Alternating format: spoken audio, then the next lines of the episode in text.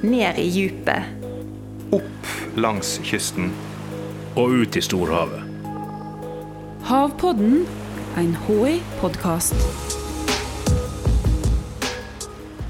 Hei, jeg heter Amalie, og jeg er doktorgradsstipendiat på avdeling sjømat og ernæring her på HI. Og jeg jobber med sjømat og ernæring, egentlig. Amalie Moxnes Reksten forsker på næringsstoff i sjømat. Næringsstoff, hva er egentlig det for noe? Næringsstoffer er ulike kjemiske forbindelser som vi finner i mat, eh, og eh, som kroppen da trenger for å kunne fungere normalt og overleve. Eh, og så har vi har jo forskjellige næringsstoffer i maten, og de kan vi gjerne dele inn i to forskjellige grupper. Vi har de som er energigivende, og de som ikke gir energi. Og av de som gir energi, så har vi på en måte de største hovedgruppene. da, Karbohydrater, protein og fett.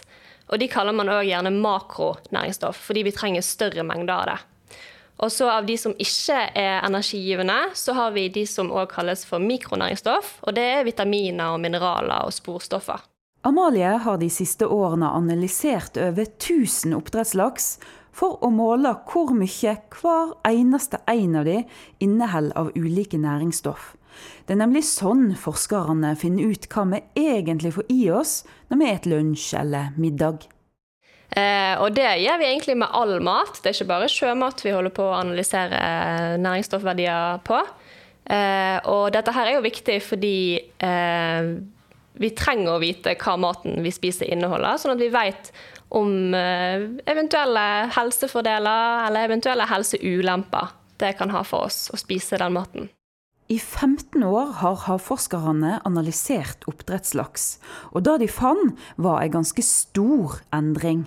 Og Resultatene våre de viste at omega-3-nivåene, disse marine omega-3-fettsyrene, har gått ned med over 60% i løpet av de siste 15 årene.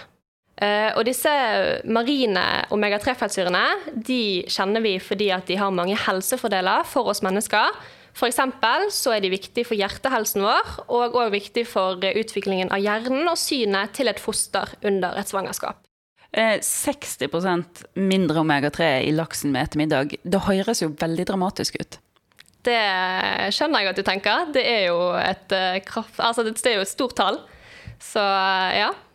Eh, men eh, får vi, altså hva skjer med oss, da? Får vi i oss nok omega-3 når det er så mye, altså når det har tapt seg så mye?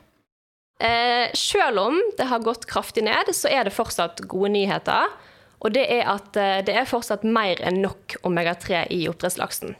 Eh, hvis du spiser én middagsporsjon til middag med laks, så har du faktisk fått dekt et helt ukesbehov av omega-3 bare ved å spise den ene middagsporsjonen.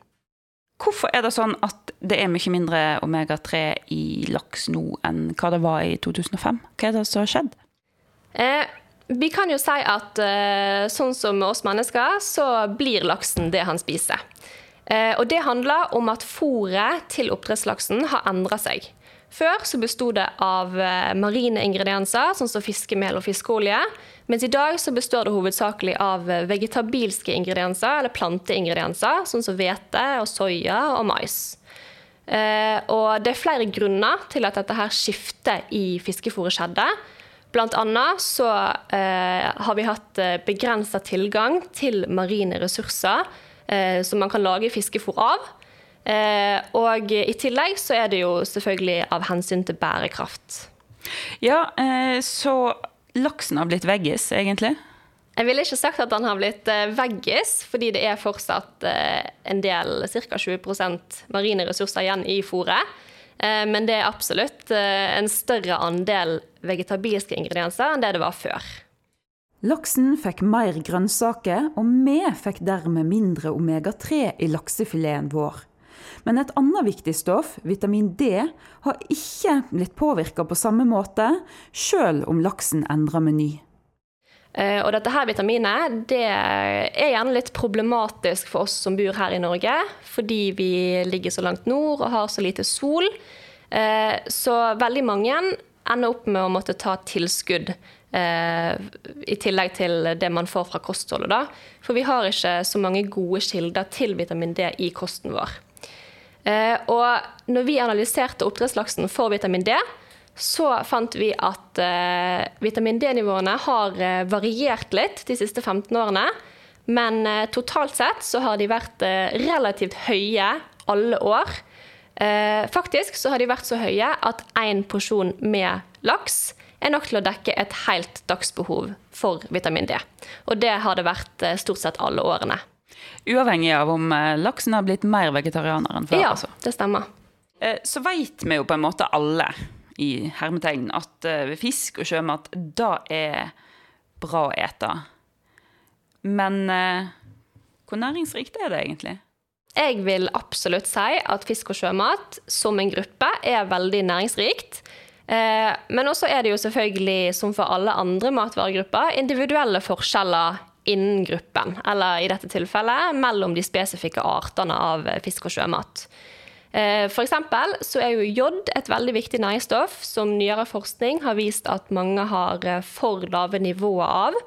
Eh, Og her er jo da fisk og sjømat den desidert beste kilden til jod. Men så er det ikke sånn at all fisk og all sjømat er like gode kilder til jod. Laksen for eksempel, den er en veldig dårlig kilde til jod. Eh, Mens magerfisk, sånn som torsk og sei og lyr, den har et veldig høyt innhold og er en god kilde til eh, dette mineralet.